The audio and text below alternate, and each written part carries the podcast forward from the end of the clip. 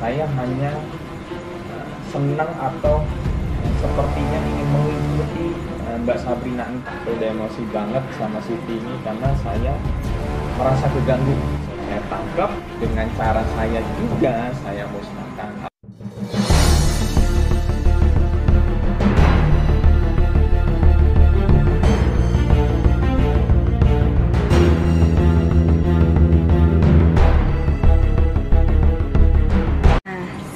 Mistis, kali ini eh, aku nggak mau cerita dari aku aja. Aku akan eh, kasih cerita juga dari versi orang yang memang dibilang saksi lah ya dari kisahnya si Siti ini. Jadi kayak gini, aku mau nanya waktu pas papi kasih tahu aku tentang diganggu sama kuntilanak itu gimana sih awal ceritanya? Assalamualaikum warahmatullahi wabarakatuh saya bapak kosnya Mbak Sabrina jadi awalnya Mbak Sabrina tadi sudah menceritakan dari awal ya eh, apa yang dialami Mbak Sabrinanya eh, pengalaman waktu pulang kerja ya di malam hari nah Mbak Sabrina menceritakan ke saya tentang sosok kuntilanak yang bernama Siti. Dia menceritakan terus saya tanggapi. Nah, suatu hari setelah dari ceritanya Mbak eh, Mbak Sabrina, saya mengalami sendiri eh, gangguan dari eh, Kunti Siti ini. Pada waktu itu kebetulan kamar yang ditempati Mbak Sabrina kosong, jadi Mbak Sabrina tidak di belakang, terus kamar yang di depan kosong saya tempati bersama istri dan anak saya yang eh, paling kecil. Pas pada waktu itu saya tidur malam sudah tertidur saya dibangunkan. Dibangunkannya bukan dibangunkan seperti orang biasa membangunkan? Tidak. Tapi dikagetkan. Jadi jendela kamar itu digedor luar biasa. Ini ya, beneran. ya betul. Jendela ini digedor luar biasa sampai kamar yang eh, nomor 2 itu sampai keluar. Kamar nomor 3 ikut keluar karena kencang sekali suaranya. Lalu saya buka saya intip apa yang eh, terjadi kan dari luar siapa yang gedor? Apa orang? Apa siapa? Saya buka ternyata bukan gitu kan?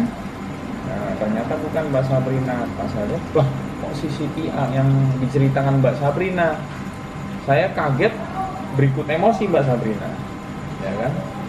Saya kaget emosi karena apa? Anak saya kebangun juga. Nah itu dia. Kalau misalnya prinsip saya kalau keluarga saya terganggu saya emosi di mana mana semua juga sama ya lah ya. Pas saya keluar keluar rumah ternyata ini ngeledek. Kalau orang Jawa tuh ngeledek lah. Apa namanya ya? Eh, ngecilin atau apalah.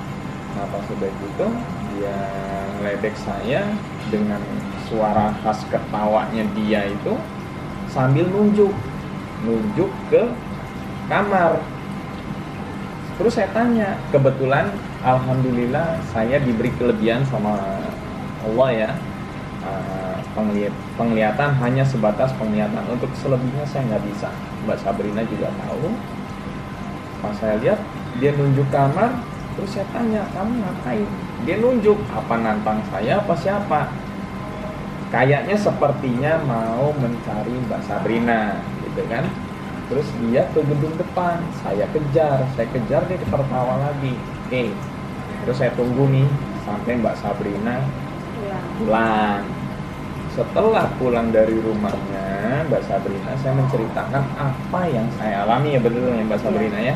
Apa yang saya alami. Itu habis maghrib berarti ya? habis maghrib habis maghrib nah, Mbak Sabrina pulang cerita begini-begini. Terus ya tapi dia eh, Sitinya kayaknya nyari aku. Ya Mbak Sabrina tapi aku merasa terganggu. Terus Mbak Sabrina mencoba komunikasi ya Mbak Sabrina ya. Mencoba panggil Mbak eh, Sitinya ini si Kunti terus saya bilang ada posisinya ada di belakang. Jadi di kebetulan kamar ini ada balkonnya. Nah dia nunggu Mbak Sabrina ini di belakang balkon. Karena aku memang biasa duduk di situ kalau malam. nah betul. Tuh. di pikirannya si Kunti ini ya saya juga bingung bukan manusia. Si Kunti ini dipikir Mbak Sabrina ada di kamar ini ternyata Mbak Sabrina sudah pindah di kamar belakang. Mbak Sabrina ya? Nah saya pas ke belakang dia mau coba kabur saya tangkap saya tangkap itu kakinya dia coba berontak saya nggak bisa. Dengan caranya saya bukan ikutin paranormalnya saya bukan paranormal saya nggak bisa apa-apa. Saya tangkap saya coba tarik tak masukin ke dalam botol. Saya tunjukin sama Mbak Sabrina. Ini Mbak Sabrina saya udah emosi banget sama Siti ini karena saya merasa keganggu saya bilang gitu. Saya masukin dalam botol Mbak Sabrina benar kan? Ngecek eh, si Siti ini apa namanya? Enaknya diapain ya Mbak Mas Mbak Sabrina? Enaknya dimusnahin aja lah. Dengan cara saya juga saya musnahkan. Alhamdulillah nggak ada lagi yang namanya Siti atau gangguan si Kunti tersebut wajahnya si, si Siti ini lumayan luar biasa luar biasa jelek. Coba tuh boleh di eh, kalau yang mau tahu nih kayak gimana sih sosoknya? Soalnya eh, aku juga menggambarkan sesuatu kan. Dan Nah, wajahnya hampir mirip seperti ini pem- eh, pemirsa ya. Seperti ini dengan eh, oval panjang, hidung, cuma dia punya agak sedikit luka di balik rambut ini agak sedikit luka. Saya nggak tahu luka itu apa, apa luka pernah benturan apa eh, luka nggak bingung saya. Cuma dia punya luka di di, di dekat hidungnya ini. Seperti ini pemirsa.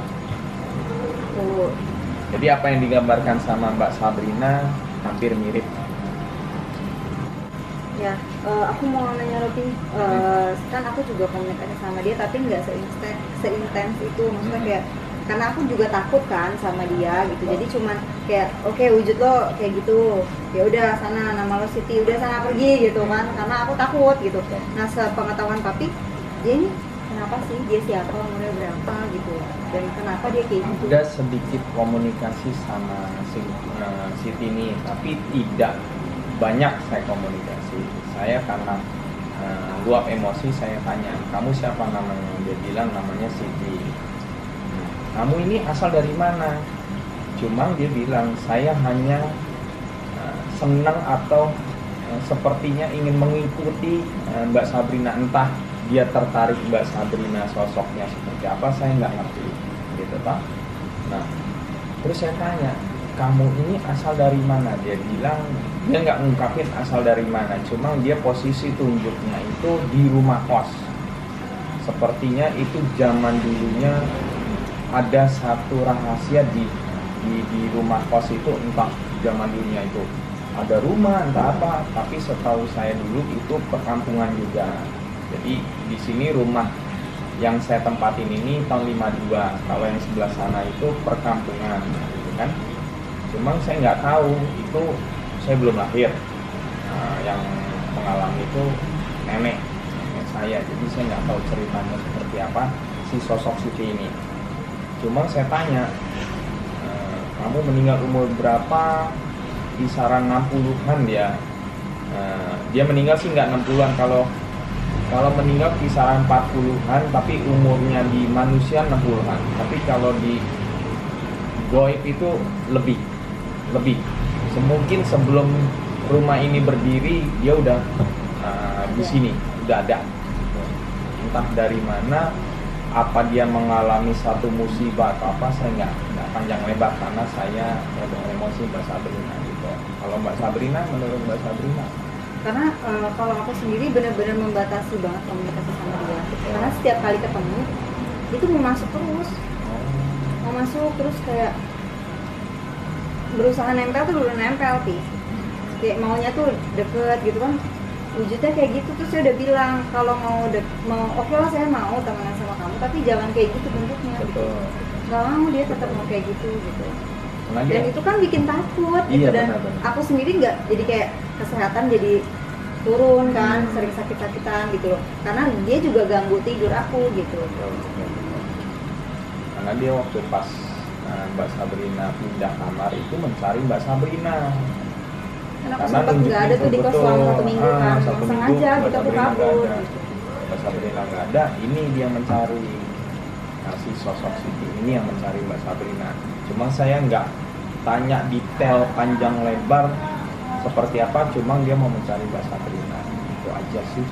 Eh, kalau tips dari papi sendiri supaya ini kayak orang-orang kayak aku nih sering diganggu ditempelin harusnya gimana sih? Kalau tips sebetulnya sih nggak bisa ngasih tips ya. Kalau Mbak Sabrina ini kan jatuhnya apa ya? Diberi kelebihan, ya diberi kelebihan sama Allah yang nggak biasanya manusia punya. Indra keenamnya Mbak Sabrina naik, itulah. Seperti halnya sama saya. Kalau tips ya paling saya kasih masukan waspada aja. Di mana yang baik, di mana yang buruk, kita udah dewasa bisa menentukan mana baik mana buruk yang baik diambil yang buruk jangan itu aja Terima kasih. Iya. Makasih ya sudah berbagi. Jadi eh, aku hari ini tuh nggak mau dari versi aku aja dan ini udah ada versi realnya gitu. Aku nggak ngada-ngada. Ada orang juga yang memang melihat sosok Siti itu seperti apa gitu. Mungkin segitu aja kisah hari ini gitu. Kesimpulannya ya kita sebagai manusia tetap harus eh, merasa bahwa kita makhluk sempurna gitu. Jangan takut sama yang kayak gitu meskipun takut sih sebetulnya. takut memang. Tapi ya perbanyak doa. ya Oke, jangan lupa untuk subscribe, comment, and like. Bye. Oke. Thank